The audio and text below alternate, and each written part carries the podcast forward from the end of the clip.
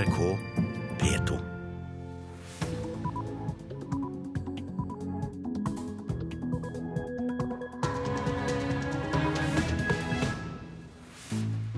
Dermed er vi i gang med Nyhetsmorgen. Nå klokka 6.30 tirsdag 28. mai har vi disse hovedsakene.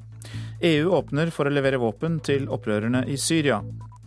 Syriske myndigheter benytter kjemiske våpen i krigen mot opprørerne. Det hevder franske journalister. En l'occurrence, on a vu euh, les euh, gaz et les- leurs effets neurotoxiques. Vi har sett nervegassens virkninger på opprørerne i Jobar, som er et område nær Damaskus, sier den franske fotografen Laurent van der Stokt. Sofieprisen legges ned. Forfatter og grunnlegger Jostein Gaarder forteller hvorfor her i Nyhetsmorgen. Og Anders Jares kulturpris går til de norske scenekunstnerne Lise Fjelstad og Stefan Herheim.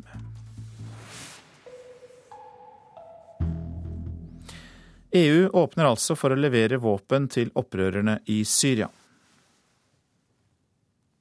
We have no plans to send arms at the moment. This is a strong signal to the Assad regime that it needs to engage in the political process. We would only take the step of sending arms in company with other nations, in carefully controlled circumstances, and in compliance with international law.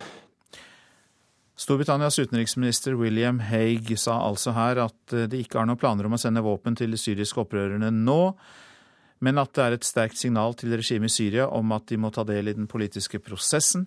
Og dersom man skal sende våpen til opprørerne, så vil det skje i kontrollerte former, i samarbeid med andre land og i samsvar med folkeretten. Forsker ved Norsk utenrikspolitisk institutt, Frida Nome, du har forsket på Syria og har bodd i landet i flere år. Hvilke følger kan det få at EU åpner for å sende våpen til opprørerne? Altså, det er et ønske om å legge press på syriske myndigheter, eh, sånn at de eh, vil bidra i forhandlingene, eller gi alt i forhandlingene som forventes i Genéve i juni. Eh, det er samtidig et ikke veldig sterkt press på syriske myndigheter i og med at man sier at man kun vil gjennomføre våpenleveranser dersom det er enighet internasjonalt. Og det har jo vært et av de store problemene under hele den over to år lange borgerkrigen i Syria. Hva må da til for at de sender våpen til eh, opprørerne? For det er jo mange forbehold rundt dette, skjønner jeg. Eh, Det, er, eh, det, var jo en del uenighet i, i EU-gruppen i går. Så, og man, man frykter at disse våpnene bl.a. kan gå til ekstreme grupper. Eh, Nå er det forskjellig syn på hvilke grupper og hvor ekstreme noen av disse gruppene er. Eh, Så, så en enighet om dette er for så vidt ganske vanskelig å forestille seg. Det, noe av det viktigste her er kanskje det presset som man ønsker å legge på syriske myndigheter. Og I går så møttes den amerikanske og den russiske utenriksministeren for å planlegge Syria-konferanse i juni. Der skal, etter partene de, der, der skal etter planen de to partene møtes. Og hvordan kan, hva kan den konferansen føre til? Eh, Jeg tror det er veldig, en veldig viktig konferanse. Eh, Det, kan, eh, det gir et viktig signal om at partene De kommer med en viss innrømmelse om at, at denne konflikten ikke kan løses militært, eller at det må forhandlinger til. Eh, Det er klart det er vanskelig å være veldig stor optimist når det gjelder hva slags eh, utfall en sånn konferanse kan få. Men eh, det er, etter planen vil man diskutere overgangsregjering f.eks., hvordan den kan etableres. Det ble jo også diskutert under Genéve-konferansen for et år siden. Eh, Og, og det internasjonale samfunnet kom fram til en, en enighet eller om et forslag til en plan. Men den ble, den ble avslått både av opposisjon, syrisk opposisjon og syrisk regime.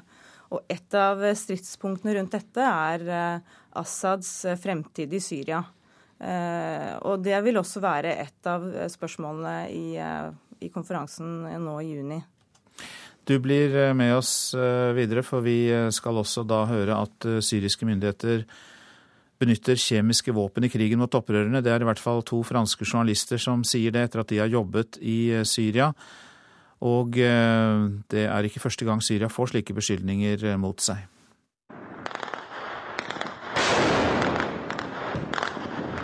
Realitetene er harde i Syria. To år med krig har sett sine spor, og skuddveksling og bomber har blitt en del av hverdagen. I går kom det nye skuldinger om at syriske styresmakter også har nytta kjemiske våpen i kampen mot opprørerne. Euh, euh.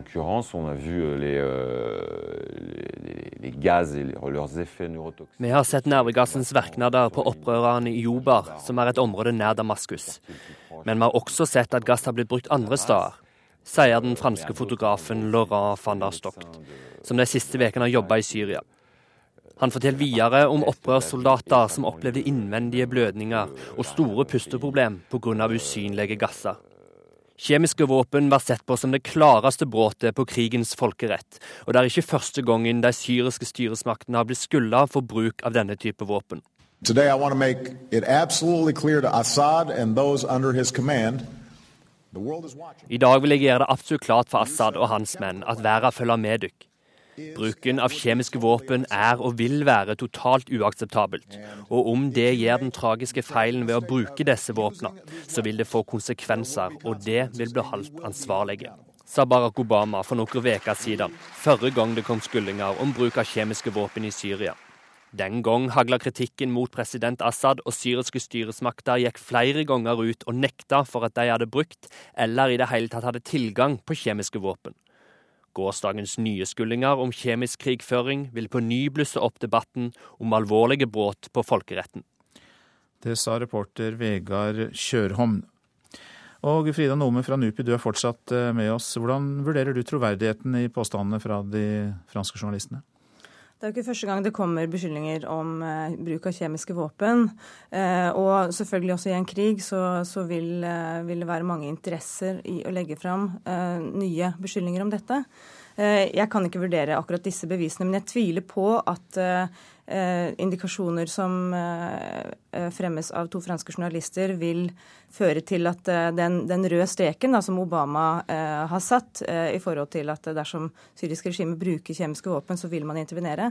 Jeg tviler på at dette vil på en måte være det endelige beviset som skal til før intervensjon kommer. Ja, Så det er ikke nok jeg tviler på at det er nok. FN har vært inne og gransket eh, og forsøkt å, å, å, komme til noen konklusjoner rundt dette.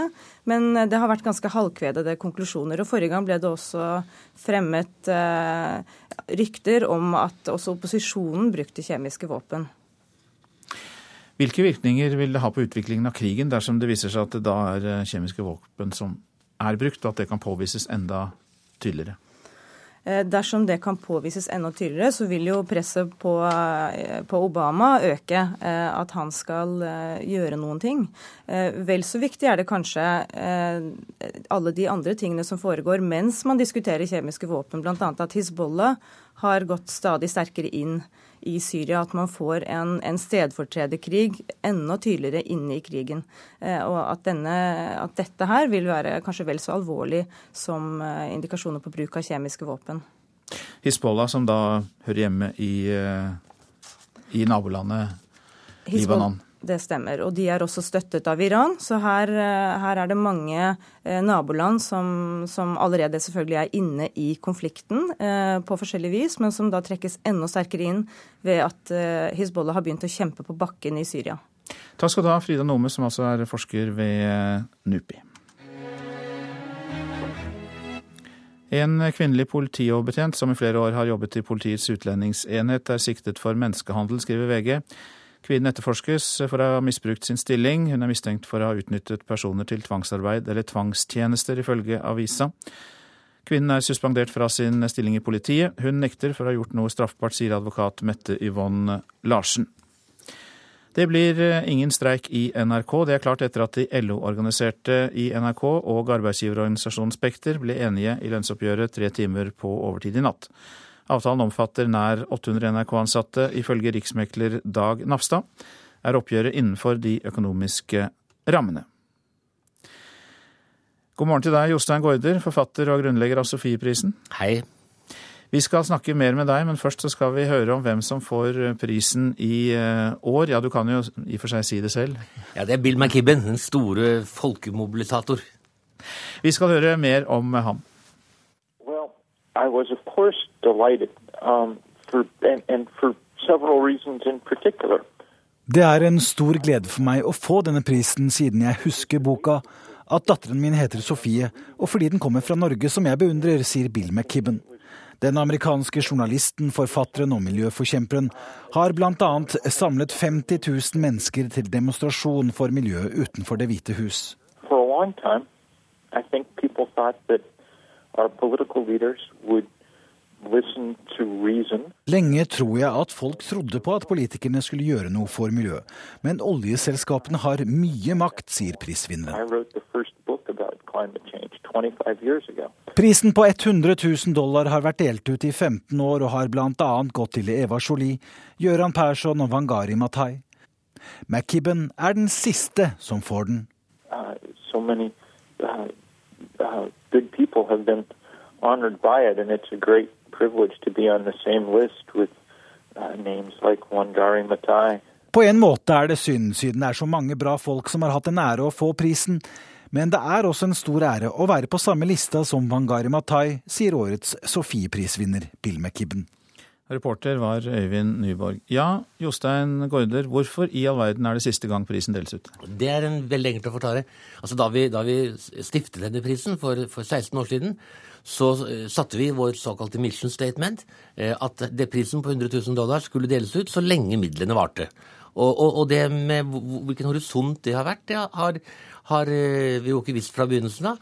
Men det begynte med at min kone og jeg la ned en god del millioner kroner da vi stiftet Sofieprisen. Og så har vi spedd på med rettighetene til et par av mine bøker. Og, og, men, vi, men altså, vi, opplever at dette har vært en dugnad. Det at, det at vi har delt ut denne prisen i 16 år, det er jo ikke slutten på noen prosess i og for seg. Prisvinnere er jo der, de jobber videre med sine prosjekter. Eh, det er knyttet masse internasjonale kontakter. Og, og, også vi som er i styret. Det er et svært eh, rikt og sterkt sammensatt styre.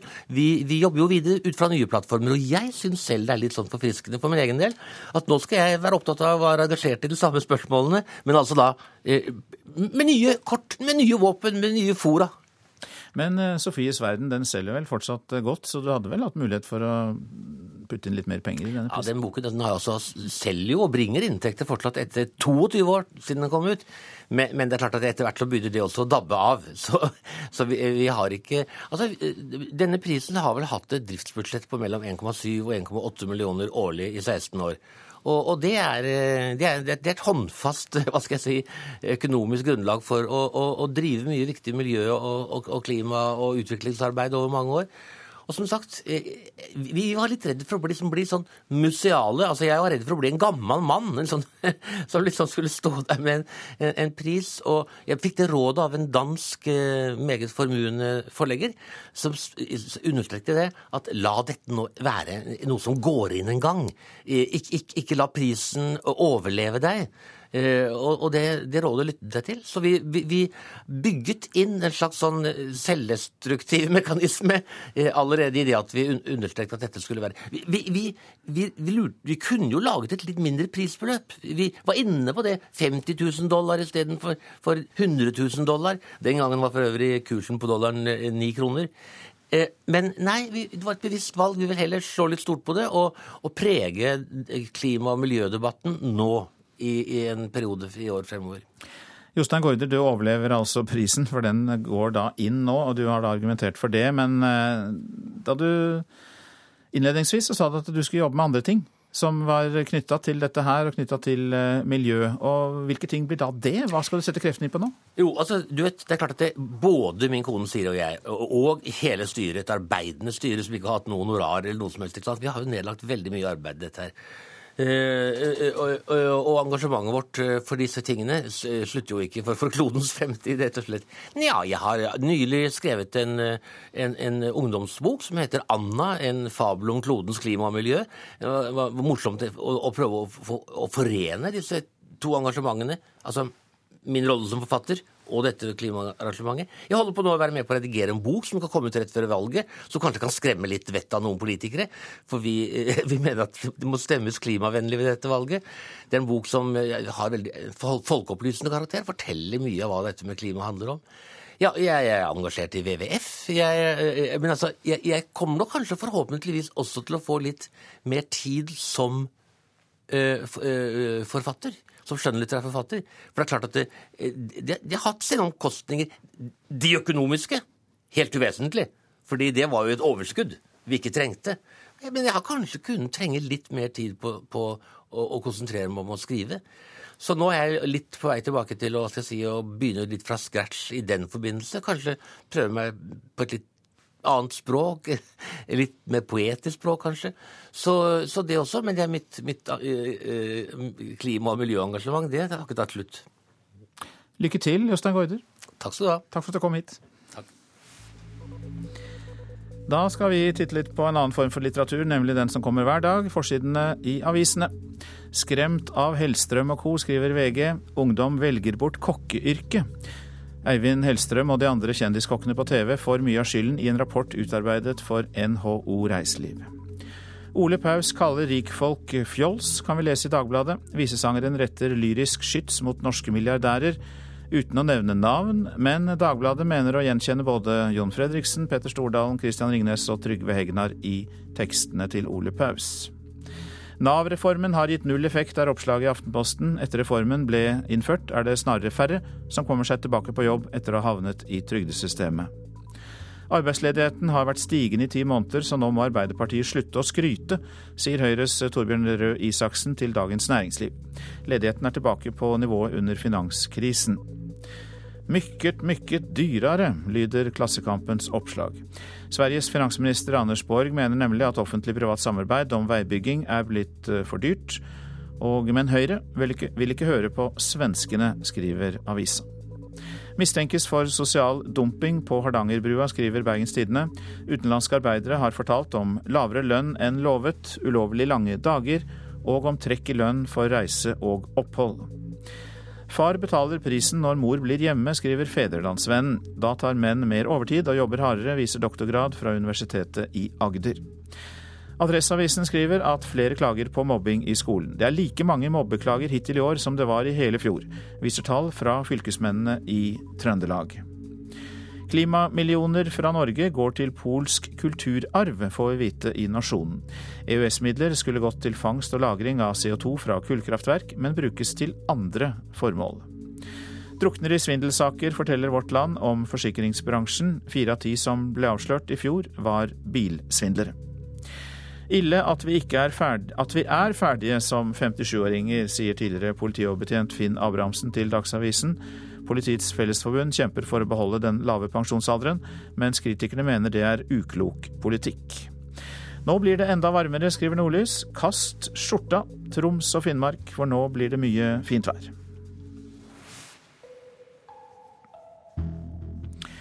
Sykkel-VM kan komme til Norge om fire år. Bare detaljer mangler før søknaden blir sendt, og sykkelpresident Harald Tidemann Hansen er optimist. Sykkelmesterskapet kan bli arrangert i Bergen, og avgjørelsen faller snart.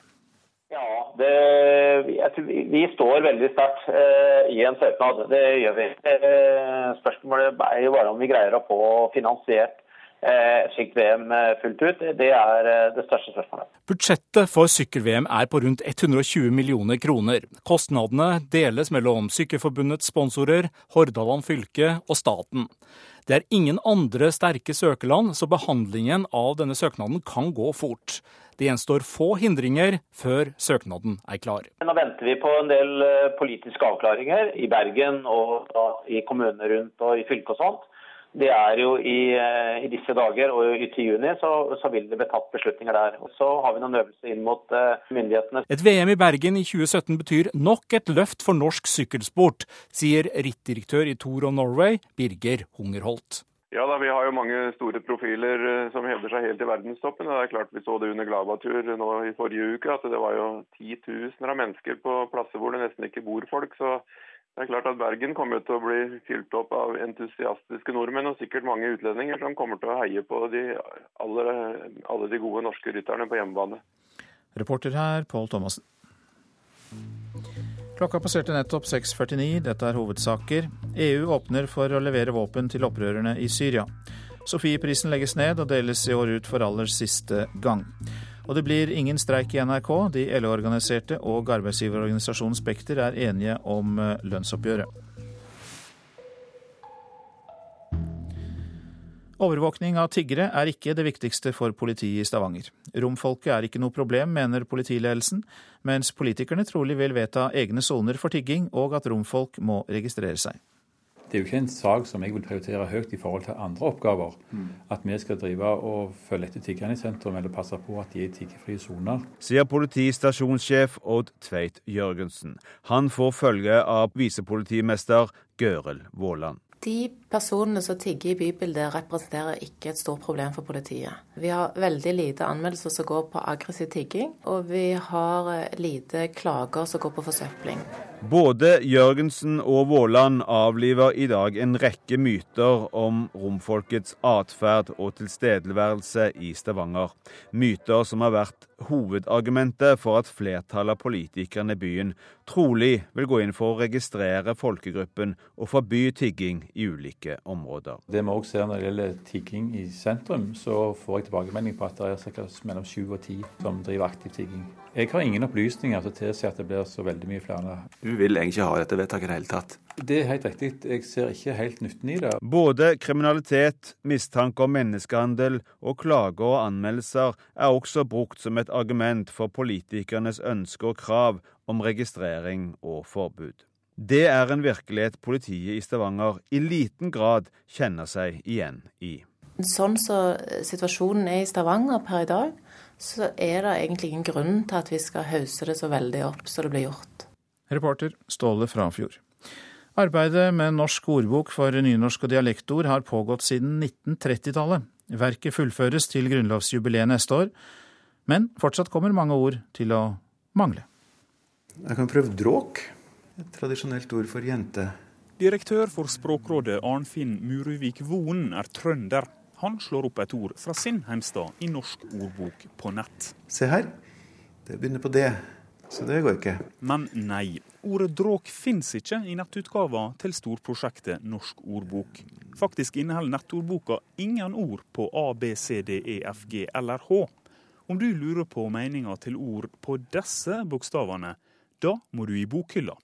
Irriterende, mener språkdirektøren. Det er jo litt uh, ergerlig uh, i våre dager hvor uh, nettet er så viktig kanal for å skaffe seg informasjon at vi ikke kan slå opp hele verket på nett. Ja, Når blir dere ferdig med alle disse bandene, da? Det vil ta lang tid. Tidligere redaktør for Norsk ordbok Magne Rommetveit i ærlig samtale med NRK i 1981. Det går en generasjon før en ser resultatet. Ja.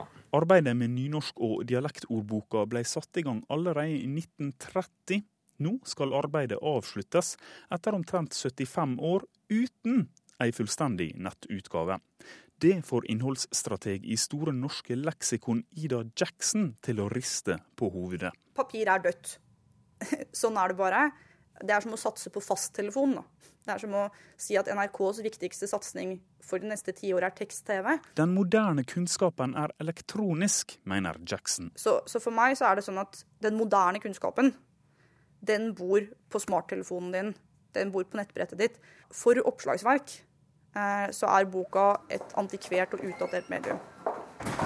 I en kjeller på Forskningsparken ved Universitetet i Oslo står meter på meter med arkivskuffer. Se her, nå har jeg trukket ut ei tilfeldig eh, skuffe. De er fylt av avisutklipp, håndskrivne lapper og annet grunnlagsmateriale som viser hvordan ord og uttrykk blir og har blitt brukt. Her er grunnlaget for informasjonen i ordboka. Det er veldig mye forskjellig. Noe som er henta fra trykte kilder en del som er henta fra målføreinnsamlinger. Åse Vetås er prosjektdirektør for Norsk ordbok 2014. Nå har hun rundt 30 ansatte og får 20 millioner kroner i året fra Kulturdepartementet og Universitetet i Oslo for å legge siste hånd på verket. Men å få oppslagsverket på nett, det er ikke en del av jobben. Så Norsk ordbok er jo en ordbok som har kommet ut i perioden fra 1950 og fram til i dag. Og når de fire et halvt første bindene ble lagde, så fantes ikke den fullelektroniske redigeringsplattformen som vi redigerer på nå. Det var når prosjektet Norsk ordbok 2014 starta i 2002 at den plattformen ble utvikla. Og det var fra det tidspunktet det var mulig å produsere fullelektronisk både til trykkutgave og til nettutgave. Her har vi bind to. Og dermed må språkdirektør Vonen og alle vi andre regne med å slå opp ord fra A til H i papirutgaver også i framtida. Så kan det bety ei jente som er stor etter alderen og lite tiltaksom. Litt spøkefullt, eh, og oppfattes nok i dag som litt gammeldags. Søk i ordboka var reporter Sondre Bjørdal. Universitetet i Oslo kommer til å be om penger fra Kulturdepartementet for å digitalisere norsk ordbok. Scenekunst løftes fram når Andreas Anders Jares kulturpris for 2013 deles ut. Skuespiller Lise Fjelstad og operaregissør Stefan Herheim får heder og ære, og 500 000 kroner hver for sin innsats. Altså, Vår kunstart er jo egentlig som skrift i sand. og Bølgene kommer og visker det ut, men det kanskje står noe et lite øyeblikk før neste, neste bølge. Blant gull og overdådig dekor på Nationaltheatrets hovedscene sitter operaregissør Stefan Herheim og skuespiller Lise Fjelstad. Begge er to markante norske scenekunstnere, og nettopp derfor har de mottatt Anders Jares kulturpris for 2013. For Lise Fjelstad betyr prisen mye. Jeg ble jo glad. Jeg ble jo glad, glad, glad. Men uh, det kom brått på. og jeg, jeg jeg sto og skulle vaske en havebenk ute, så jeg hadde en blå bøtte med masse skummende Zalovan, og så ringer telefonen. Og da synes jeg egentlig at jeg var eh, ganske kontrollert. for Jeg satte bøtten rolig ned på gulvet, og så satte jeg meg selv rolig ned på en stol. For eh, kroppen reagerer jo gjerne når du får en så stor uh, beskjed. Stefan Herheim, som i stor grad har jobbet utenfor Norge, er glad for at hjemlandet også setter pris på arbeidet han gjør. Det var en utrolig stor glede å, å bli satt pris på. Jeg har, ikke, jeg har selvfølgelig vært operativ her til lands også mye, men hovedsakelig ute. Så som vi vet og har hørt på denne scenen mange ganger, man blir ikke profet i eget land så fort. Prisutvalget ønsket i år å fremheve scenekunsten. Juryleder Åse Klevland mener Herheim og Fjelstad er to utmerkede representanter. Det er da to av våre absolutt fremste representanter som nå får uh, den store prisen. Um, begge to har betydd, og betyr, veldig mye for scenekunsten i Norge men også delvis internasjonalt. Som medlemmer av en eksklusiv klubb bestående av bl.a. Leif Ove Ansnes, Ingvar Ambjørnsen og Mari Boine, får de to vinnerne 500 000 kroner hver. Men pengene er ikke det viktigste. Altså, Jeg kunne ikke ha latt være å gjøre det jeg har gjort i alle disse årene. Det har vært en helt nødvendig, en, en nødvendighet for meg som menneske. Og sånn er det sikkert med deg også? Absolutt. Ja. Absolutt. Det er ikke noe jobb som man uh, velger. Det er noe som velger deg, holdt jeg på å si. Lise Fjelstad og eh, Stefan Herheim ble intervjuet av reporter Jaran Ree Mikkelsen. Så tar vi fatt på værvarselet. Fjell i Sør-Norge, skyet eller delvis skyet. Regn, seinere regnbyger, særlig i østlige deler av Langfjella. I nord og øst kan det bli perioder med sol. Østlandet får for det meste skyet vær. Litt regn, vesentlig vest for Oslo og Mjøsa. Utover dagen kan det bli perioder med sol. Først dukker sola opp i øst. Muligheter for lokale regnbyger kan hende med torden. Telemark får for det meste skyet vær, litt regn. Fra seint i ettermiddag perioder med sol. Mulighet for lokale regnbyger, kan hende også med torden. Agder skyet eller delvis skyet, etter hvert litt regn eller enkelte regnbyger. Først i øst, utrygt for torden også i Agder. Lettere vær til kvelden. Rogaland fra i formiddag litt regn, utover ettermiddagen kan hende med torden. Hordaland pent vær, men lokale ettermiddagsbyger kan hende med torden. Sogn og Fjordane pent vær, men også der lokale ettermiddagsbyger som får følge av torden. Møre og Romsdal og Trøndelag kort og godt eh, pent vær, stort sett. Helgeland, Saltfjellet, Salten og Ofoten lettskyet vær. Lofoten, Vesterålen og Troms lettskyet vær. Og fjordstrøkene i Finnmark og Finnmarksvidda stort sett eh, pent vær. Fra i formiddag delvis skyet, kan hende enkelte regnbyger. Kyststrøkene i Finnmark delvis skyet oppholdsvær. Fra i ettermiddag oppe i liten kuling riktignok vest for Slettnes. Nordensjøland på Spitsbergen skyet eller delvis skyet oppholdsvær. I kveld eh, litt sludd i vest. Temperaturen målt klokka fem. Fortsatt minus på Svalbard lufthavn, minus to. Ellers er det da selvfølgelig plussgrader over hele landet. Kirkenes ti, Vardø og Alta åtte. Tromsø også åtte. Bodø 16, Brønnøysund 15, Trondheim-Værnes også 15. Molde 9, Bergen-Flesland 12, Stavanger 13, Kristiansand-Kjevik 11. Gardermoen og Lillehammer hadde ti grader klokka fem, Røros sju og Oslo-Blindern 12 grader.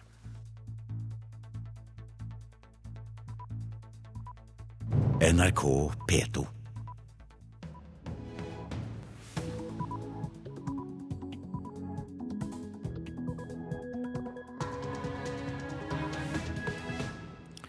Klokka er sju, og du lytter til P2s Nyhetsmorgen. Dette er en nyhetsoppdatering. Nordmenn frykter eurokrisen og sparer penger som aldri før. Det viser nye tall fra Forventningsbarometeret. Den norske eh, forbruker ser at Norge er et lite land i verden. At eh, det som skjer rundt oss med relativt lav vekst, stor uro i Europa, eh, også kan ha smitteeffekter på, på, på norsk økonomi. Idar Kreutzer i Finans-Norge. Faren for jord- og steinras blir ikke kartlagt godt nok. Det sier geolog Sven Dahlgren. Han mener NVE ikke tar skredfaren på alvor. Hvis vi bare legger til grunn for det som har skjedd de siste 100 år, så er det vanvittig mye. Eh, svære skred, og det er også fjellskred. Det er eh, eh, jordskred og kvikkleireskred. Hvis vi bare sier at det er akkurat det samme de neste 100 år, så er det mer enn nok til å bli vettaskremt. Og seks av åtte som mistet livet i snøskred sist vinter, omkom i Troms. Det er fritidsulykkene som øker, sier senioringeniør i NGI Kjetil Brattlien. Vi glemmer oss bort innimellom. Vi tror at vi skal være store skistjerner for en kort periode. Vi kan ikke være ekstremsportutøvere og samtidig regne med at vi kommer trygt hjem. EU åpner for å levere våpen til opprørerne i eh, Syria, og i denne sendingen så skal vi også høre at stadig flere barn og unge er plaget med rygg- og nakkesmerter. Altså, når jeg begynte for 20 år siden, så var det jo ganske sjelden du fikk en folk under 15 år. Nå er det jo daglig. Den erfaringen har kiropraktor Atle Torsteinsen. Nordmenn frykter eurokrisen og legger langt mer penger til side enn før. Det viser Forventningsbarometeret. Spareiveren er kanskje dårlig nytt da, for landets kjøpesentra. Jeg shopper veldig lite, egentlig. Jeg har jo oppretta en sånn sparekonto for at jeg skal ha at det blir dårligere tider. Jeg tenker jo at vi skal være nøkterne og også spare for framtida. På Finnsnes i Troms er det slett ikke alle som fyller handleposene til randen. Og nye tall fra Forventningsbarometeret viser at nordmenns sparevilje nå er sjeldent stor. Altså Vi ser ikke at man tar ut økt kjøpekraft i økt forbruk, man tar det ut i økt sparing. Sier direktør Idar Kreutzer i Finans Norge. Målingen av fremtidstroen viser også at folk flest nå har svakere tiltro til norsk økonomi enn tidligere. Andre tall i det siste har også vist at nordmenn handler overraskende lite. Den norske forbruker ser at Norge er et lite land i verden. At det som skjer rundt oss med relativt lav vekst, stor uro i Europa, også kan ha smitteeffekter på, på, på norsk økonomi. Og frykten for framtiden gir bankene gode tider. Vi sparer primært i nedbetaling av lån. Vi sparer noe i bank og noe i fond. Trenden er tydelig også lenger sør. På Kvadrat kjøpesenter i Sandnes er mange blitt opptatt av å legge penger til side. Vi sparer. mer av det, faktisk. Det er vi veldig flinke til. Flinke til sparing. Du vet aldri hva som skjer i morgen. Er det en eller annen fryseboks eller oppvaskmaskin eller et eller annet som ryker, så er du nødt til å ha penger på kontoen. Ja, Det har jo jeg gjort hele livet, vet du. Vi sparer jo hver måned. Jeg sparer så mye jeg kan. Det er jo dyrt å kjøpe hus her borte, så jeg og kona sparer så mye vi kan. Målet er ca. 15 000. Men heller ikke i Rogaland er alle like disiplinerte. Noen balanserer med fulle handleposer, selv en mandag formiddag. Jo, Sparing er en fin ting. Foreløpig er det på planleggingsstadiet. Brukte 4000 nå i helga, så det er ikke så god på å spare. Det er så mye fint å kjøpe, så det, da bruker du det når du får, først får penger. Reporter, det var Sindre Heierdal. Økonomikommentator i NRK, Steinar Mediås, god morgen til deg. God morgen, ja. Som vi hørte, så på slutten her så er det jo noen det går akkurat i balanse for, men eh, samlet sett så sparer vi altså mer. Og hva tror du ligger bak? Ja, det jeg tror ligger bak, er at eh, Ja, Det er mange ting. For det første tror jeg ikke at sparing er noe som eh, fordeler seg jevnt over hele befolkningen. En god grunn til å spare i dag er at Finanstilsynet nå forlanger 15% egenkapital hvis du skal kjøpe deg bolig. Og da er du nødt til å spare. Så mange er nødt til å spare mer enn før. Så langt har jo den som har drevet med sparing, vært en raring i Norge. Fordi husprisene stiger raskere enn lønningene. Så det har vært lønt seg ekstremt å låne mye. Men eh, er det også bra for samfunnet som helhet at eh, noen flere av oss sparer mer? Det er absolutt en fordel. Eh, vi skal huske at den norske husholdningen sånn sett er ca. blant de mest forgjeldede i verden. Det betyr at vi har kanskje stor tiltro til at velferdsstaten tar godt vare på oss når det skulle røyne på, men det burde ikke frata oss ansvaret, vårt økonomiske ansvar for vårt eget liv. Ta oss inn i sammenhengene her, for hvis vi sparer mer, så betyr det vel også at Norges Bank ikke ser noen grunn til å sette opp eh, renta? Husk på at veldig lave renter betyr vanligvis at økonomien går veldig dårlig. I Norge har vi dette underlige fenomenet at økonomien egentlig går veldig bra, og så har vi likevel veldig lave renter. Det skyldes at Norges Bank ser at hvis vi skulle hatt en rente som sto i forhold til vår økonomi, så hadde den norske kronen blitt så sterk at hele det norske eksporterende næringslivet hadde kollapset. Nå eh, leser vi bl.a. i Dagens Næringsliv i dag at eh, ledigheten er eh, høyere enn mange tror. At det er grunn til å frykte finansproblemer i Europa, at de merkes tydeligere i Norge. Hva tenker du om de tendensene? Ja, Ledigheten i Europa er jo veldig stor, og den norske økonomien er jo veldig åpen. En indikasjon nå nettopp, jeg så det vel i går, at det er vanskelig for norske studenter å få seg sommerjobb. Og da er jo tanken straks der er arbeidsoppgavene borte? Nei, arbeidsoppgavene er fylt med helt andre mennesker. De kommer andre steder fra. Eh, vi hører nye språk bak disken og i butikken. Det betyr at eh, arbeidsinnvandringen til Norge fyller opp de sommerjobbene som studentene vanligvis har hatt i Norge. Så utfordringen ligger kanskje nettopp der, i at vi ikke nødvendigvis eh, får en eh, finanskrise av den typen vi har sett i Sør-Europa, men at virkningen av den bl.a. fører til at det kan bli eh, mer kamp om jobbene her hjemme. Ja, det tror jeg helt klart. At vi ser et, en konkurranse på jobber. Men vi ser også et press på lønninger. Og det er en stor utfordring for, det, for den norske modellen, og som er en stor utfordring også for fagbevegelsen. Vi skal huske her at nå er det slik, det, og det går frem i den undersøkelsen, jeg vet ikke hvordan de kan trekke denne slutningen, men de sier at nordmenn flest reiser mer enn før. Og det er klart at vi reiser jo mer når vi kommer med sterke norske kroner og høye norske lønninger til Sør-Europa, så føler vi, føler vi oss veldig rike. Men på den annen side har det blitt dyrt å feriere i Norge. Og det vil jo den norske reiselivsnæringen merke seg. Og det igjen fører til problemer på, eh, i det norske samfunnet. Men eh, vi sparer altså noe mer enn før. Det er konklusjonen her i denne rapporten og i vår samtale. Takk skal du ha, økonomikommentator i NRK Steinar Mediås. Vi vet ikke nok om farene for jord- og steinras. Norges vassdrags- og energidirektorat får kritikk for at kartleggingen av ras og skred i kommunene ikke er god nok. Geolog Sverre Dahlgren frykter at boligbygging på rasutsatte områder kan få katastrofale følger. Det som du må gjøre, det er å skaffe grunnlagsinformasjonen ute i naturen. Det er den det dreier seg om. Og da nytter det ikke å sitte inn på et kontor og så tro at du løser det på en PC. NRK flyr over flomområdene på Østlandet i forrige uke.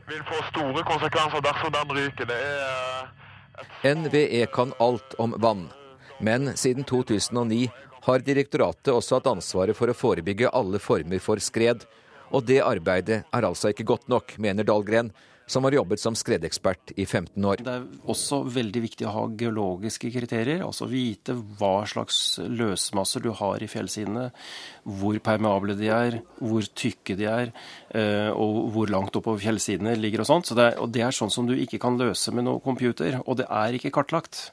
Og Derfor så må vi kartlegge de geologiske kriteriene. Det er først og fremst de geologiske materialene, altså stein, sand og grus, som raser. Vi må ned på detaljnivå, lage mer spesifikke faresonekart på, på, på de mest utsatte områdene. Det er vi enig i.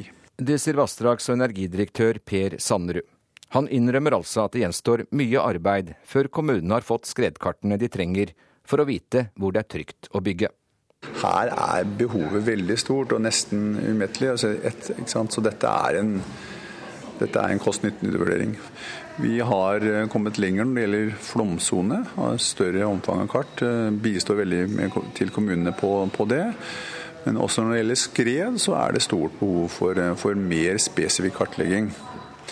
Vi ferdigstilte nå i år for Årdal og Odda kommune den type kart, og vi skal øke produksjonen i år. Men jeg er enig i at det trengs enda, enda mer. Ifølge en rapport fra Riksrevisjonen for tre år siden bor det 160 000 mennesker i flom- og rasutsatte områder her i landet. Dahlgren tror tallet er langt høyere, og med økt nedbør frykter han framtida. Hvis vi bare ser historisk på ting, hva har skjedd de siste 100 år? Og det har jeg jobba ganske mye med. Og det er en av parameterne eh, for oss å se på frekvens i framtida. Hvis vi bare legger til grunn for det som har skjedd de siste 100 år, så er det vanvittig mye. Eh, svære skred, og det er også fjellskred. Det eh, jordskred og kvikkleireskred. Hvis vi bare sier at det er akkurat det samme de neste 100 år, så er det mer enn nok til å bli vettaskremt. Reporter her, det var Hans Jørgen Solli. Og Riksrevisjonen kritiserte i 2010 NVE for mangelfull kartlegging av både flom og skredfare i Norge. Revisjonen gransker nå hvilke tiltak som er satt i verk for å rette på dette, og Stortinget får en rapport til høsten om Riksrevisjonens konklusjoner. John Oppdal, du er ordfører i Odda, en av kommunene der NVE har kartlagt skredfaren. og Hvilken betydning har det hatt for dere i Odda? Det er veldig viktig for oss i, i Odda å få en oversikt over uh, hvilket områder som er utsatt for, uh, for ras i vår, uh, vår, region, altså i vårt sentrum Odda. Og da har vi jo en bebyggelse som strekker seg opp langs fjellsidene, og dermed er det viktig for oss å ha en, en oversikt over, over, det området som er bebygd. Hvilke følger kunne det ha fått i Odda dersom dere ikke hadde hatt denne kartleggingen nå? Ja, vi har jo vi får jo bekrefta at eh, de områdene som er bebygd, at de er innenfor, innenfor sikre områder, og at det ikke er behov for noe sikringstiltak eller ekstra utbedringer for de områdene som, uh, som er i Odda, Odda sentrum. Så det, det betrygger betryggende for oss. Vi hørte jo i innslaget her at det ikke er nok slik kartlegging, mange nok av dem, rundt i Kommune-Norge. Er det omfattende arbeid å kartlegge? Ja, det vil jeg nå tro. Det er jo det er vel NGI da, som har utført den kartlegginga på oppdrag fra NVE. og det er klart De har jo vært her på befaring, og det er nok en del jobb med for å få dette til å bli et verktøy som kommunene kan bruke til videre planlegging. Så Det, det er viktig for kommunene å ha dette, denne kartleggingen. Skal en jo bygge ut nye byggefelt, så er det klart han avhengig av at vi har et slikt verktøy verktøy og et sånt kartlegging, slik at vi har noe å, å sikkert å gå etter når vi skal planlegge nye felt. Hva blir ditt råd Jan Oppdal, til andre kommuner som ikke har fått en slik kartlegging fra NVE? Nei, det må jo bli at de må be om å få, eh, få fortgang i det arbeidet. og eventuelt, Det er vel kanskje noen kommuner som har større behov enn andre kommuner, men i hvert fall de kommunene som har, føler at de har behov for et slikt eh, verktøy, bør jo ta kontakt med NVE og få, få prioritert det i kommunene. Sånn til slutt, Jon Oppdal, Hva skal du og kommunen bruke denne planen til nå? Er det noen konkrete prosjekter som kan settes i gang nettopp fordi dere har denne planen og vet hvor dere kan bygge? Ja da, vi har jo, vi har jo eh, planer om et eh, nytt eh, byggefelt i kommunen. slik at Det vil jo bli et godt verktøy i så måte. Og, og, og det vil jo på en måte si noe om vi kan bygge i det området, eller om det må gjøres tiltak for å eventuelt eh, bygge en skredvoll eller en hindring eller en sikring da, før en eventuelt legger ut et nytt byggefelt. Så dette er et godt verktøy for, for, for, for oss i Odda kommune. Takk for at du var med i Nyhetsmorgen, Jan Oppdal, som altså er ordfører i eh, Odda.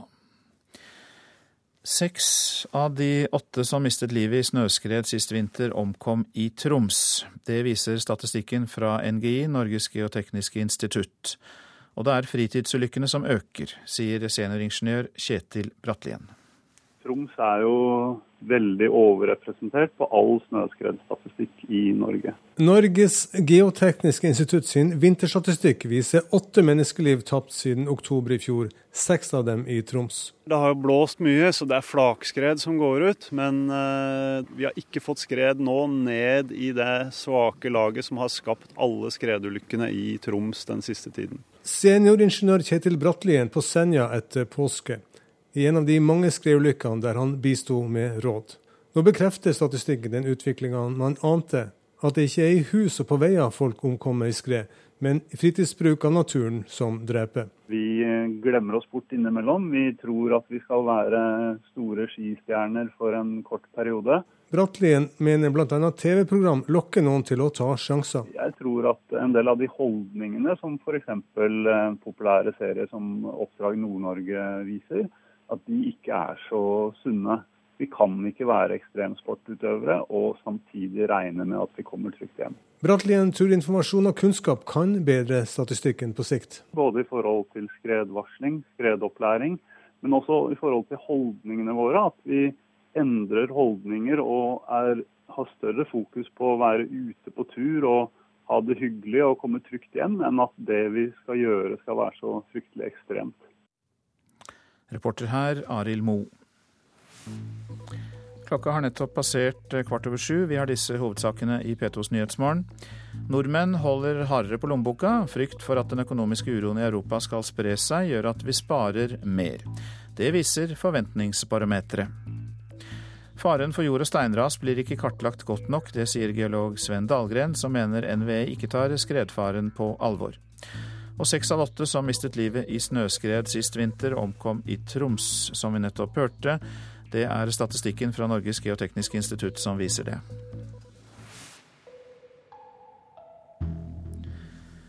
EU åpner for å oppheve av våpenboikotten av eh, opposisjonen i Syria. Det betyr at EU-land som ønsker det, kan sende våpen. Men eh, leveransene vil neppe komme i gang med det samme. Målet er først og fremst å presse Assad-regimet til forhandlingsbordet.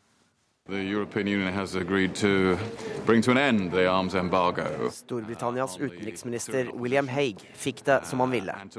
Selv om 90% av EUs boikott mot Syria opprettholdes, fjernes våpen fra listen over varer som ikke kan sendes til landet. Sammen med Frankrike har Storbritannia lenge uttrykt ønske om å støtte de syriske opprørerne med våpen.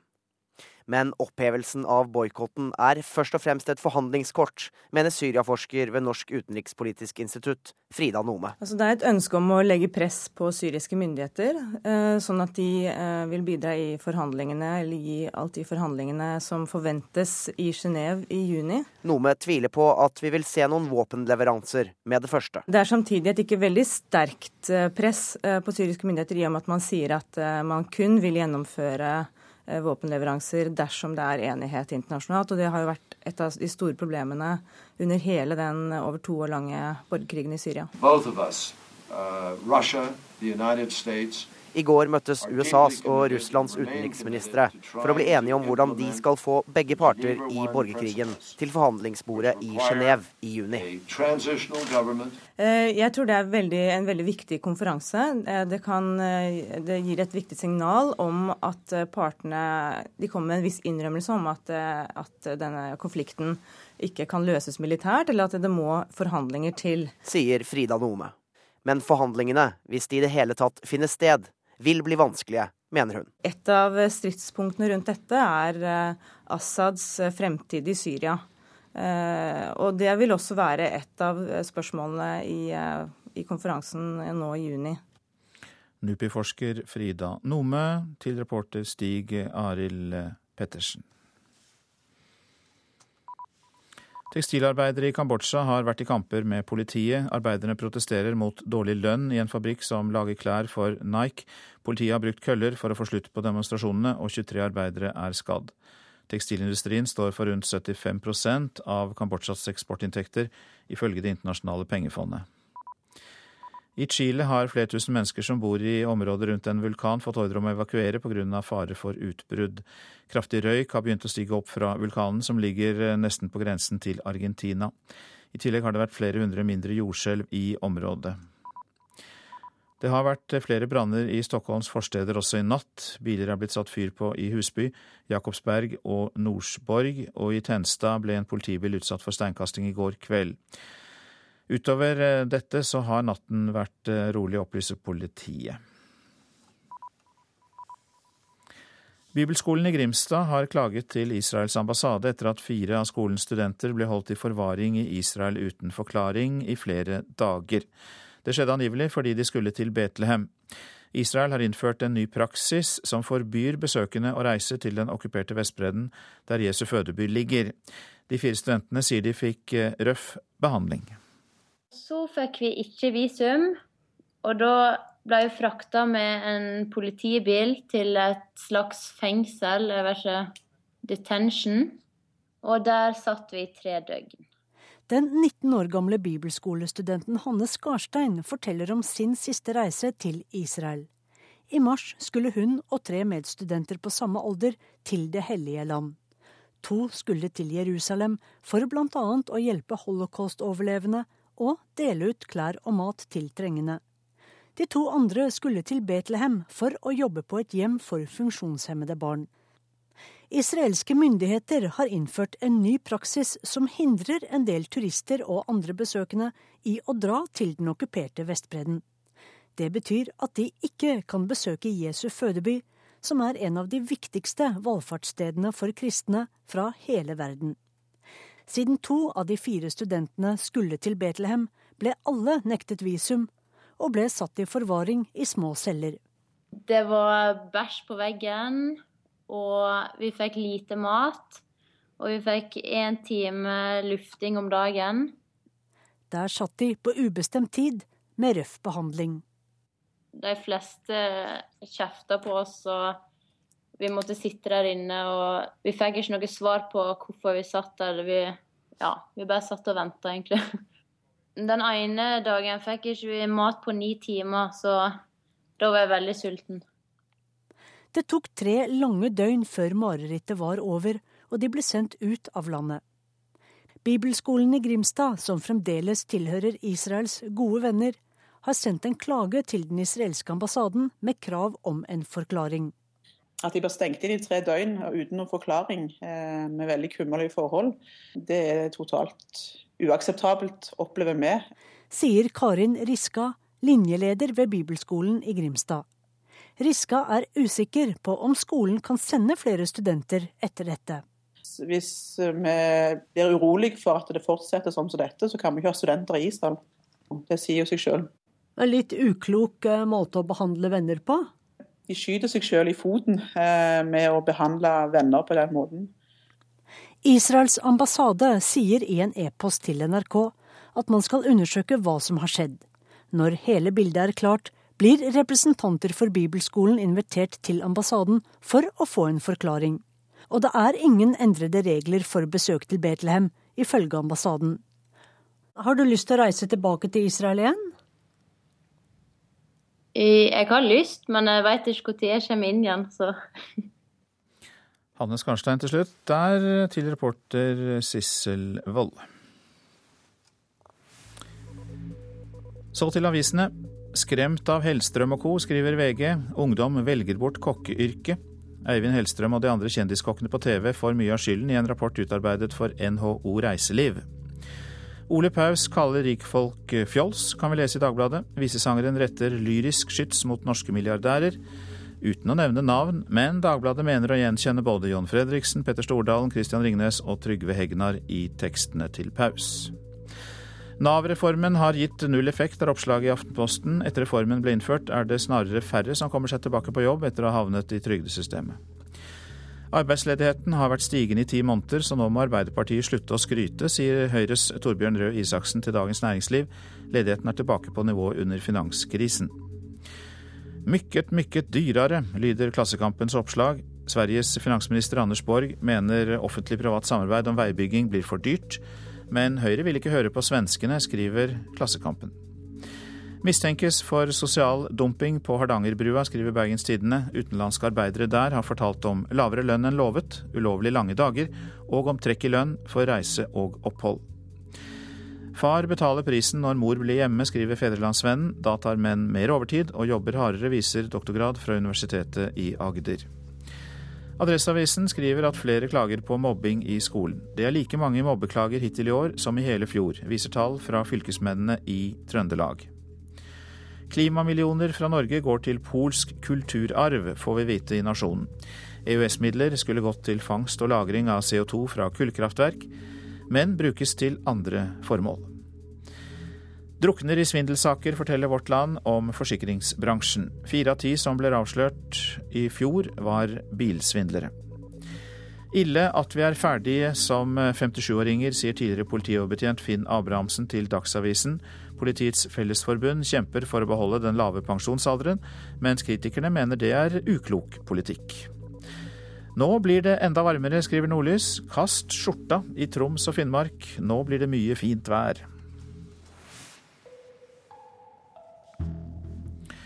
Vondt i rygg og nakke er ikke bare noe eldre mennesker sliter med. Antall barn og unge med slike muskel- og skjelettsmerter øker, viser en rapport fra Nasjonalt ryggenettverk. Sittestilling og mindre fysisk aktivitet får skylda. 17 år gamle Ingvild Dybing i Egersund har hatt kroniske smerter i ryggen i flere år. Eh, det er hele ryggen og nakken og skuldrene. Hvor lenge har du hatt disse plagene? Siden jeg gikk i fjerde klasse, tror jeg. Altså Du er vokst opp med å ha ryggsmerter? Eh, ja, egentlig. Ingvild er ikke alene. Rapporten fra Nasjonalt ryggnettverk viser at muskel- og skjelettlidelser koster samfunnet bortimot 80 milliarder kroner i året. Det er en økning på 50% fra 2004.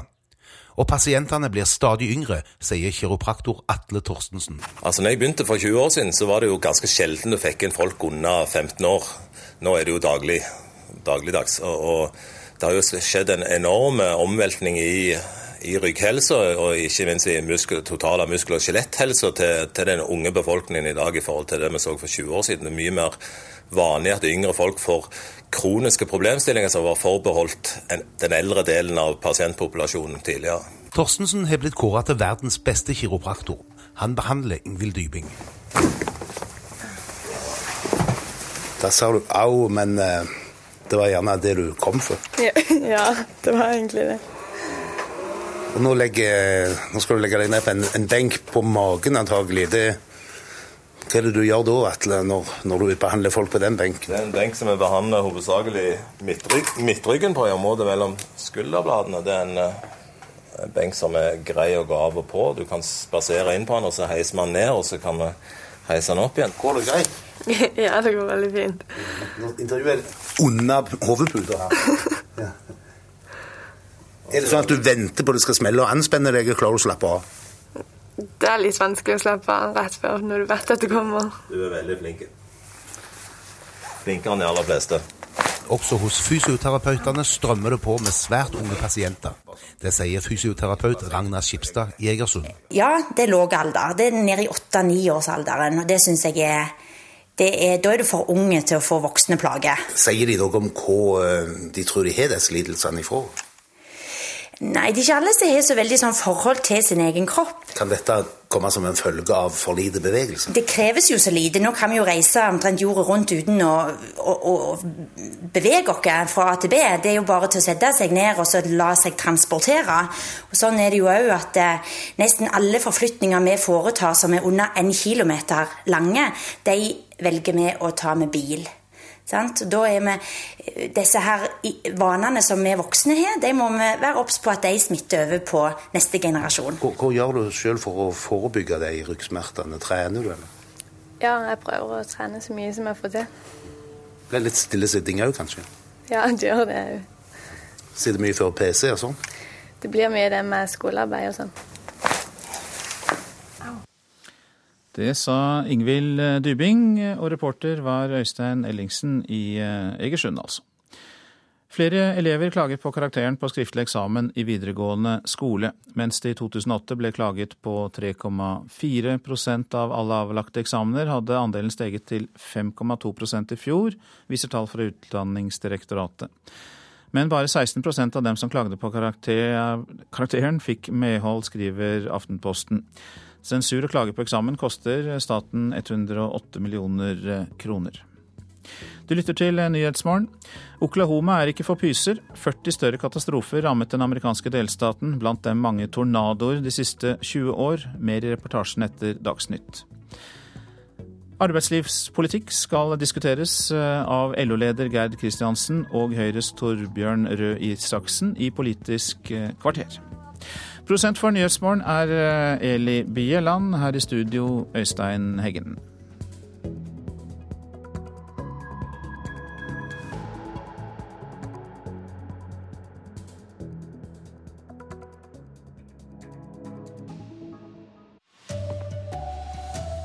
Nordmenn har sluttet å sløse, nå fyller vi sparekontoen i stedet. Det skjer voldtekter hver uke i kommunalt hjem, det forteller rusomsorgen i Trondheim. Og skredfaren i Norge blir ikke tatt alvorlig nok, mener geolog. Riktig god morgen, her er NRK Dagsnytt klokken 7.30. Nordmenn frykter eurokrisen og sparer langt mer penger enn tidligere. Det viser en ny måling finansnæringen har gjort av nordmenns økonomiske forventninger.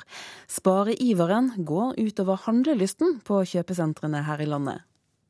Jeg shopper veldig lite, egentlig. Vi skal være nøkterne og spare for framtida. På Finnsnes i Troms er det slett ikke alle som fyller handleposene til randen. Og nye tall fra Forventningsbarometeret viser at nordmenns sparevilje nå er sjeldent stor. Altså Vi ser ikke at man tar ut økt kjøpekraft i økt forbruk, man tar det ut i økt sparing. Sier direktør Idar Kreutzer i Finans Norge. Målingen av fremtidstroen viser også at folk flest nå har svakere tiltro til norsk økonomi enn tidligere. Den norske eh, forbruker ser at Norge er et lite land i verden. Eh, det som skjer rundt oss med relativt lav vekst, stor uro i Europa, eh, også kan ha smitteeffekter. Trenden er tydelig også lenger sør.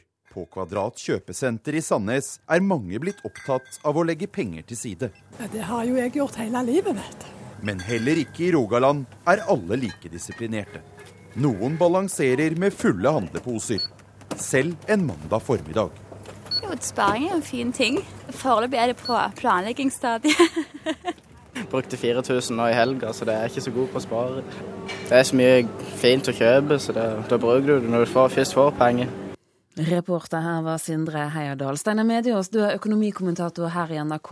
Handler dette om at vi nå har begynt å ta eurokrisen inn over oss, eller handler det om andre ting? Det kan sikkert handle om det også. Eh, men jeg tror at når skiftet nå har kommet, så skyldes det også at f.eks. Finanstilsynet forlanger at vi skal ha 15% egne penger når vi skal kjøpe oss en ny bolig. Vi er presset til å gjøre dette. Husk at så langt har den som har drevet sparing, har vært en raring i Norge. Det har ikke lønt seg å spare, det har lønt seg å låne. Men nå blir vi altså tvunget til det? Vi blir tvunget til det, og vi kan ikke bare innbille oss at vi sparer penger fordi eh, at selv om gjelden vår øker raskere enn lønningene, så øker boligprisene enda mer enn gjelden. Det er en, måte en falsk trygghet som ikke kan vare evig. Hva får dette å si for forskjellen i Norge? Det vi vet gjennom en finanskrise, det er at forskjellene øker. Og disse gjennomsnittsbetraktningene som vi har fått eh, i dag, de skjuler disse tingene. Fordi det er klart, den som har mye, får mer. Og den som har mye gjeld, får enda mer gjeld gjennom en finanskrise. Så forskjellene øker, og det er et stort problem. Steinar Medios, takk skal du ha. Rusomsorgen i Trondheim melder om hyppige overgrep ved et av kommunens hybelhus for rusmisbrukere. Hver uke skjer det en voldtekt på huset. Det forteller brukere og tidligere leder for overdoseteamet i byen til NRK. Det er knalltøft. Var det en tøff plass? Nesten eh, på en måte som at det er en endeholderplass, hvis du skjønner hva jeg mener for noe. Det forteller tidligere rusmisbruker Monica. Hun er ei av mange som har opplevd å bli voldtatt på hybelhuset i Trondheim. Tidligere leder for helse- og overdoseteamet i byen, Jan Erik Sjølås, sier at det skjer voldtekter på hybelhuset hver eneste veke.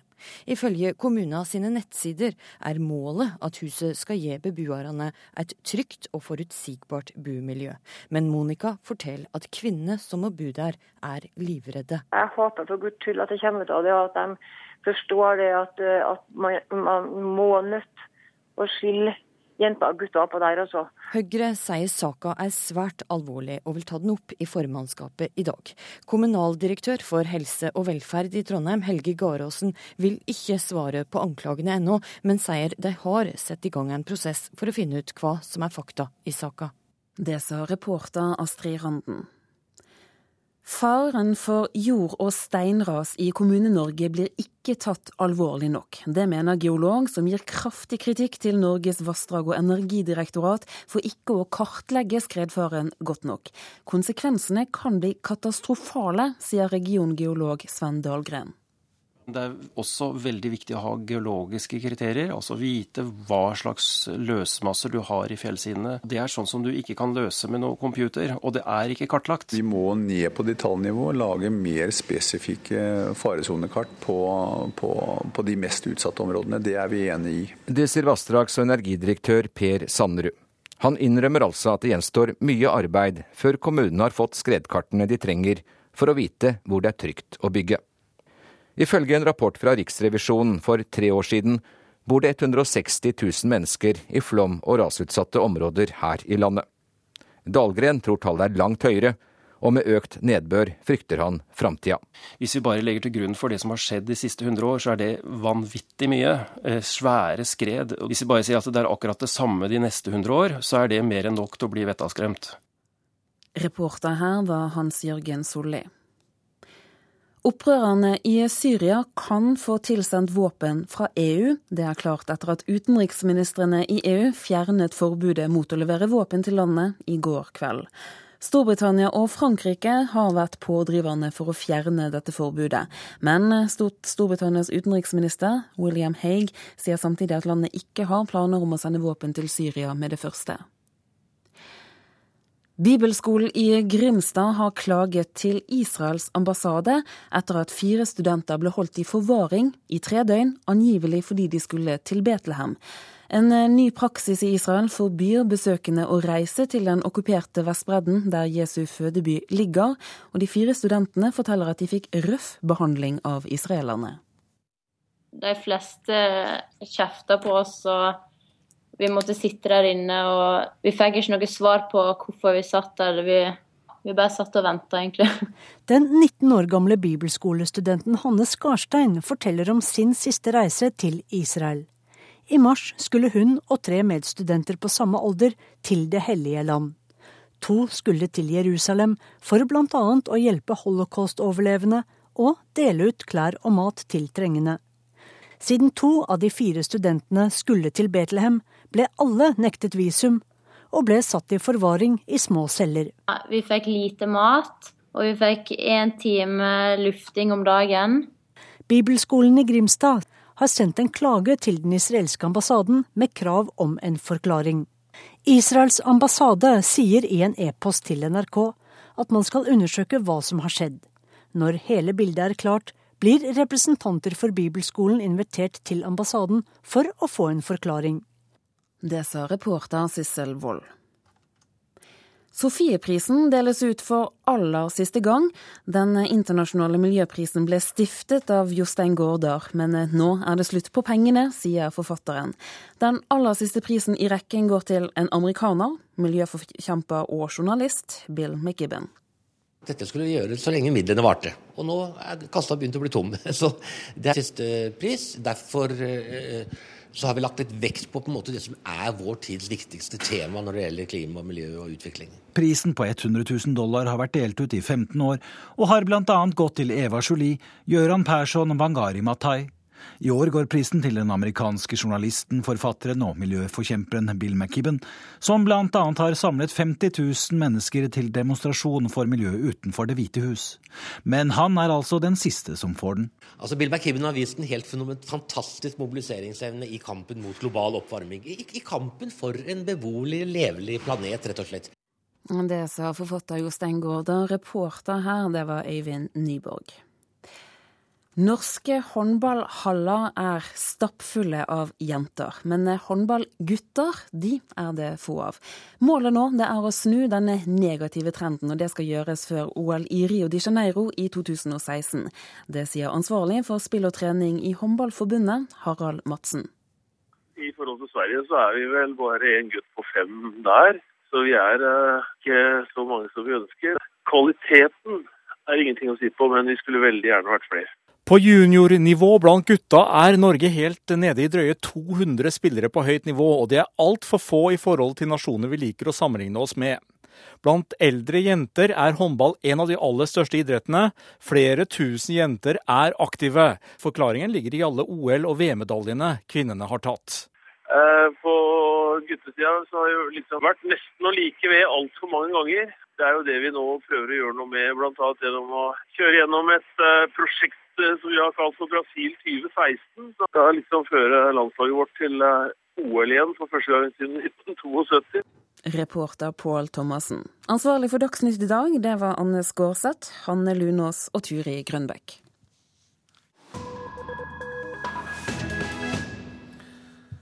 Delstaten Oklahoma i USA er ikke et sted for pyser. I forrige uke herjet ødeleggende tornadoer. Siden 1991 har 40 større katastrofer rammet Oklahoma. Tidligere USA-korrespondent Tove Bjørgaas har laget denne reportasjen.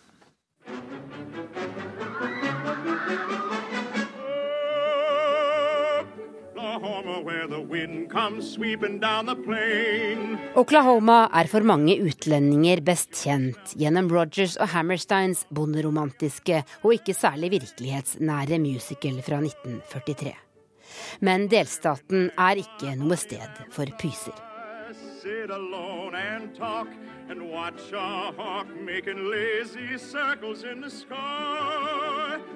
Her jobber folk hardt i stekende sol. Akkurat nå er det godt med penger å tjene på skyhøye olje- og gasspriser. Det har fått mange til å flytte til delstaten med det ugjestmilde klimaet.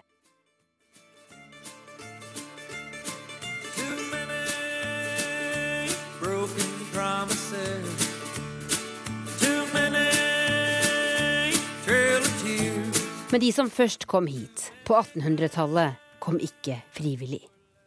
De kom tårenes vei.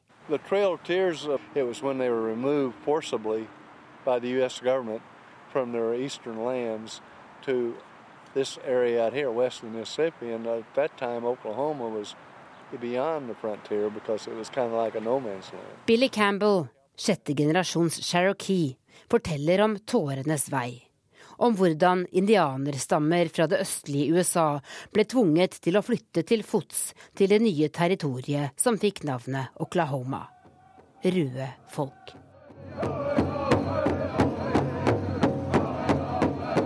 I dag bor representanter for flere hundre av USAs indianerstammer her. Hvert år samles de til landets største indianerfestival, den gedigne Red Earth, der det danses tre dager til ende.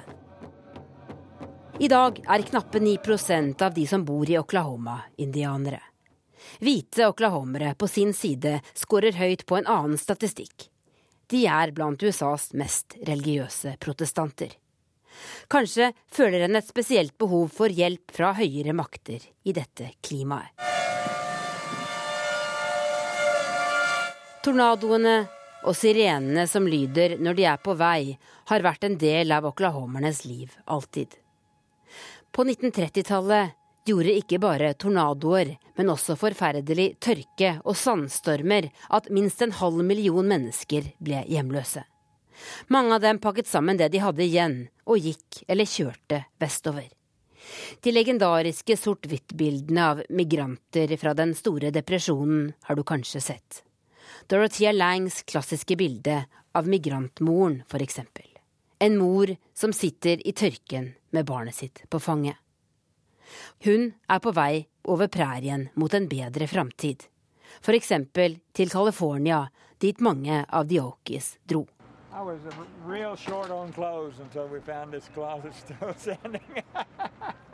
De som ble igjen i Oklahoma, står han av, som vi sier i Nord-Norge. Rick Brown, for eksempel, som leter i ruinhaugen etter det som var hjemmet hans fram til sist mandag.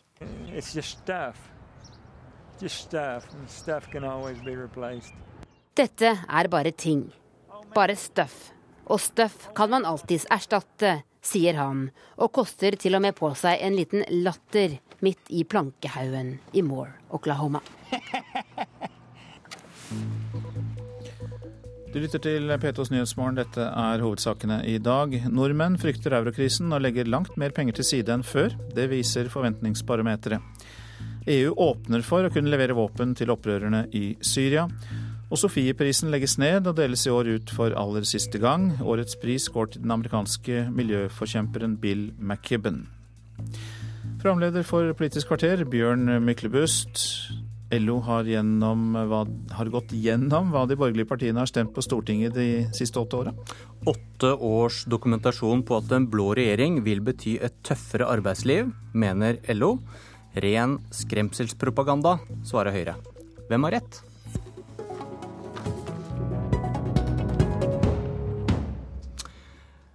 LO-leder Gerd Kristiansen, hva var målet med den eh, gjennomgangen som du skal presentere senere i dag?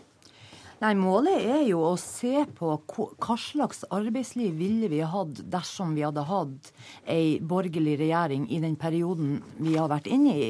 Men vel så viktig for oss har det vært å se på hva slags arbeidslivspolitikk kommer vi til å få eh, dersom at de borgerlige kommer til makta. Og dere gikk til oppgaven med åpent sint?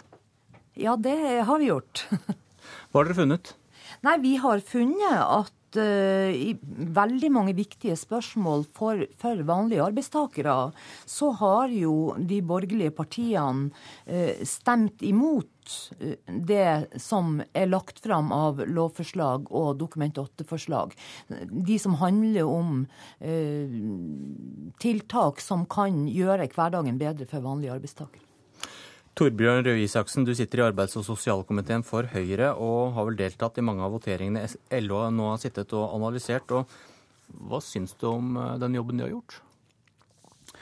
Nei, nå har ikke jeg fått lese Jeg fikk et tjukt dokument i går. Jeg har lest gjennom litt av det, og, gjennomgangen er jo i og for seg helt grei. Så det er vel bruken av den som er problemet. Eh, og jeg må jo bare konstatere at, er, at LO er jo de er jo i valgkampmodus, eh, og det er helt greit. Men det betyr også at de velger med vilje å overfokusere på ting der Høyre og LO er uenige. Og så underkommuniserer de saker hvor vi er enige, eller saker hvor Høyre faktisk har justert kursen sin litt, nettopp fordi vi har snakket med arbeidstakerorganisasjonene. Ikke bare LO, men YS og Unio og flere andre. For eksempel så var dette her første året hvor et enstemmig Høyre-landsmøte vedtok at vi skulle beholde skattefradraget for fagforeningskontingent. Ikke ett positivt ord fra den største arbeidstakerorganisasjonen i Norge. Og det syns jeg i, i, i, hvert fall er litt pussig, da. Har dere tatt med sånn. det i denne gjennomgangen, Kristiansen, det Røe Isaksen nevner her? Ja, Det har jo ikke vært avstemninger rundt det på Stortinget, så det, den ligger jo ikke i gjennomgangen. Men uh, vi syns det er positivt, selvfølgelig syns vi det, at Eh, at Høyre ikke vil fjerne skattefradraget for fagforeningskontingent. Men arbeidstakerne ute trenger mye, mye mer enn bare dette skattefradraget. Det er mange elementer i Høyre sin politikk som gjør hverdagen tøff for arbeidstakere, eh, sett opp imot et eh, skattefradrag på en par tusenlapper. Men, men, jeg lurer litt på hva du mener som skal gjøre arbeidsdagen så tøff for norske arbeidstakere. Bare, det, bare først understreke da, at hvis du spør norske arbeidstakere målingen for et par uker siden, så viser det seg at de er jo ikke redd for dette her. De tror ikke at Høyre vil verken frata folk rettigheter eller såkalt da rasere norsk arbeidsliv.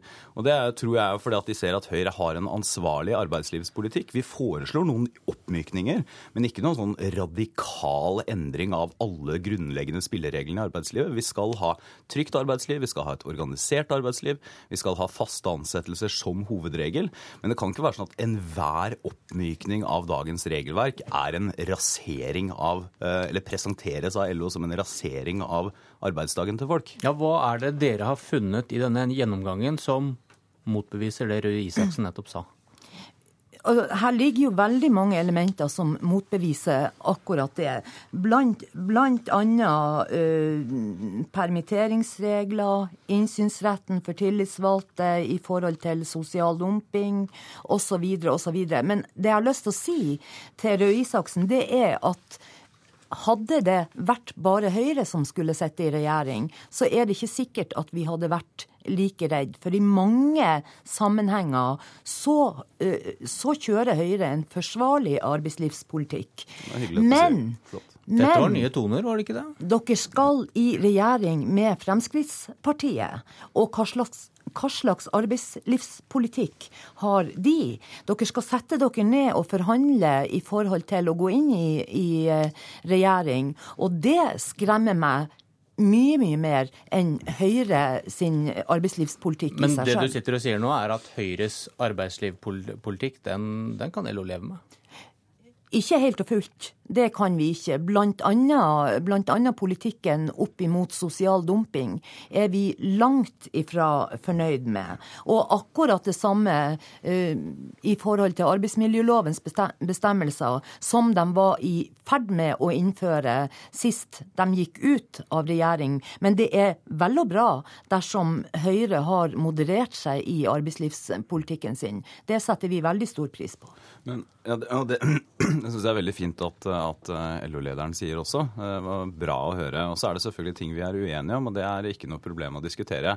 Men siden Fremskrittspartiet ikke er her, så har jeg lyst til å si at i arbeids- og sosialkomiteen på Stortinget, hvor, hvor, premissene for arbeidspolitikken legges, og hvor alle partiene sitter, så har jo Kristelig Folkeparti, Fremskrittspartiet og Høyre i forbindelse med en melding som heter Arbeidslivsmeldingen, skrevet seg sammen i veldig mange saker. Så det vil si at det er en viss enighet i opposisjonspartiene. Og da er det enighet om nettopp de tingene jeg sa, at vi skal ha et velorganisert arbeidsliv, beholde arbeidsmiljøloven, men med noen oppmykninger. Og det er de oppmykningene som jeg mener er viktige, men jeg mener at det blir feil å fremstille dem som en slags sånn omkalfatring av alt som er riktig i norsk arbeidsliv. Men Kristiansen, det du nå sier om, om at du ikke ser så mørkt på Høyres arbeidslivspolitikk, burde dere ikke da hatt en annen taktikk med å snakke opp Høyre, som tross alt kanskje blir det førende partiet på, på borgerlig side, da, istedenfor å slå dem i hodet, som mange oppfattet at dere gjør, med den gjennomgangen dere nå kommer med i dag? Altså Det vi gjør med den gjennomgangen, det er jo å synliggjøre realitetene i Stortinget i den perioden vi har vært inne i. Og jeg har jo ingen tru på at Høyre kommer til totalt å forandre politikken sin den dagen de kommer i posisjon. Jeg tror jo heller den kommer til å bli stramma inn, i og med det at de skal sitte sammen med andre partier i, i, i regjering. Men stoler, stoler du på det programmet som Høyre nettopp har eh, vedtatt, hvor de bl.a. sier at de ikke skal røre sykkelen? Nei, jeg stoler ikke helt på det. Og det handler om at de skal sitte i posisjon sammen med et parti som er mye, mye mer arbeids, uh, arbeidstakerfiendtlig enn det Høyre noen gang kommer til å bli, nemlig Fremskrittspartiet. Men jeg reagerer litt på vegne av Fremskrittspartiet når du sier at de er arbeidstakerfiendtlige. For da, som sagt, så har Høyre og Kristelig Folkeparti og Fremskrittspartiet skrevet seg sammen om store deler av arbeidslivspolitikken på Stortinget. Og vi er enige om noen oppmykninger, men vi er også enige om noen grunnleggende regler som vi har i dag. Organisert arbeidsliv, trygge rammer, ikke fritt fram for overtid eller pålegg. Ikke minst også at du skal ha betaling for overtid, som jeg hørte Geir Kristiansen nevnte på Dagsrevyen i går. Det skal vi selvfølgelig fortsatt ha. Og det er både KrF, Høyre og Frp enige om.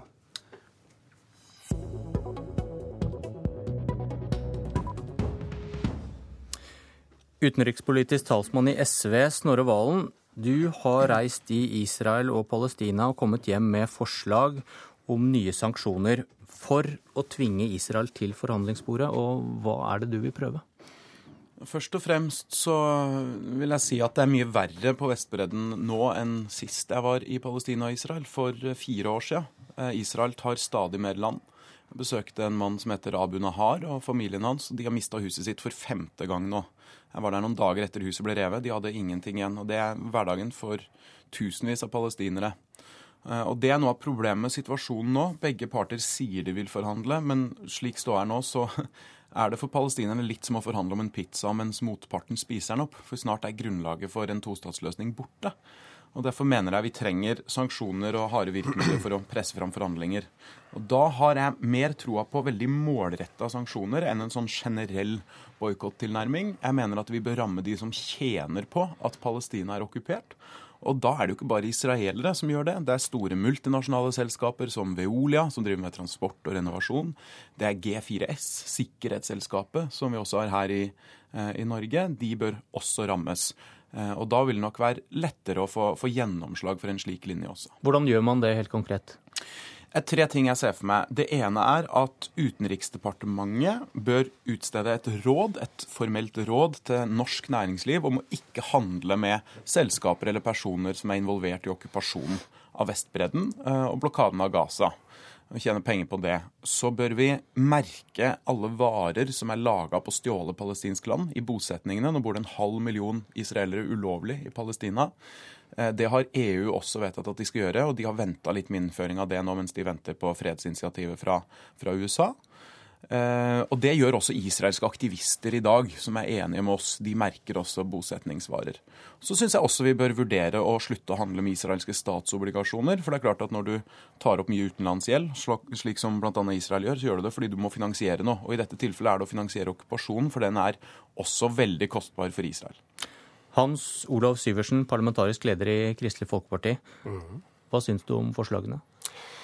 Ja, mens eh, da EUs utenriksministre diskuterer hva vi gjør med den meget alvorlige krisen i Syria, hvor vi kanskje nå har nærmere 100 000 som er drept, og hva vi skal gjøre der med mulige kjemiske våpen, så er det jo ganske typisk at uh, da er tiden for SV å komme nok et boikottutspill uh, mot uh, Israel. Det syns jeg sier ganske mye om hva fokus er. dette er jo en gjennomgangsmelodi fra SV, og de driver også med dobbelt bokholderi. Og det syns jeg nå begynner å bli ganske problematisk. Og det må være både problematisk for SV, men også for regjeringen. Vi husker godt at eh, SV ønsket en generell boikott i begynnelsen av deres regjeringsperiode. Det måtte de gå tilbake på. Hva gjorde SV selv like etterpå?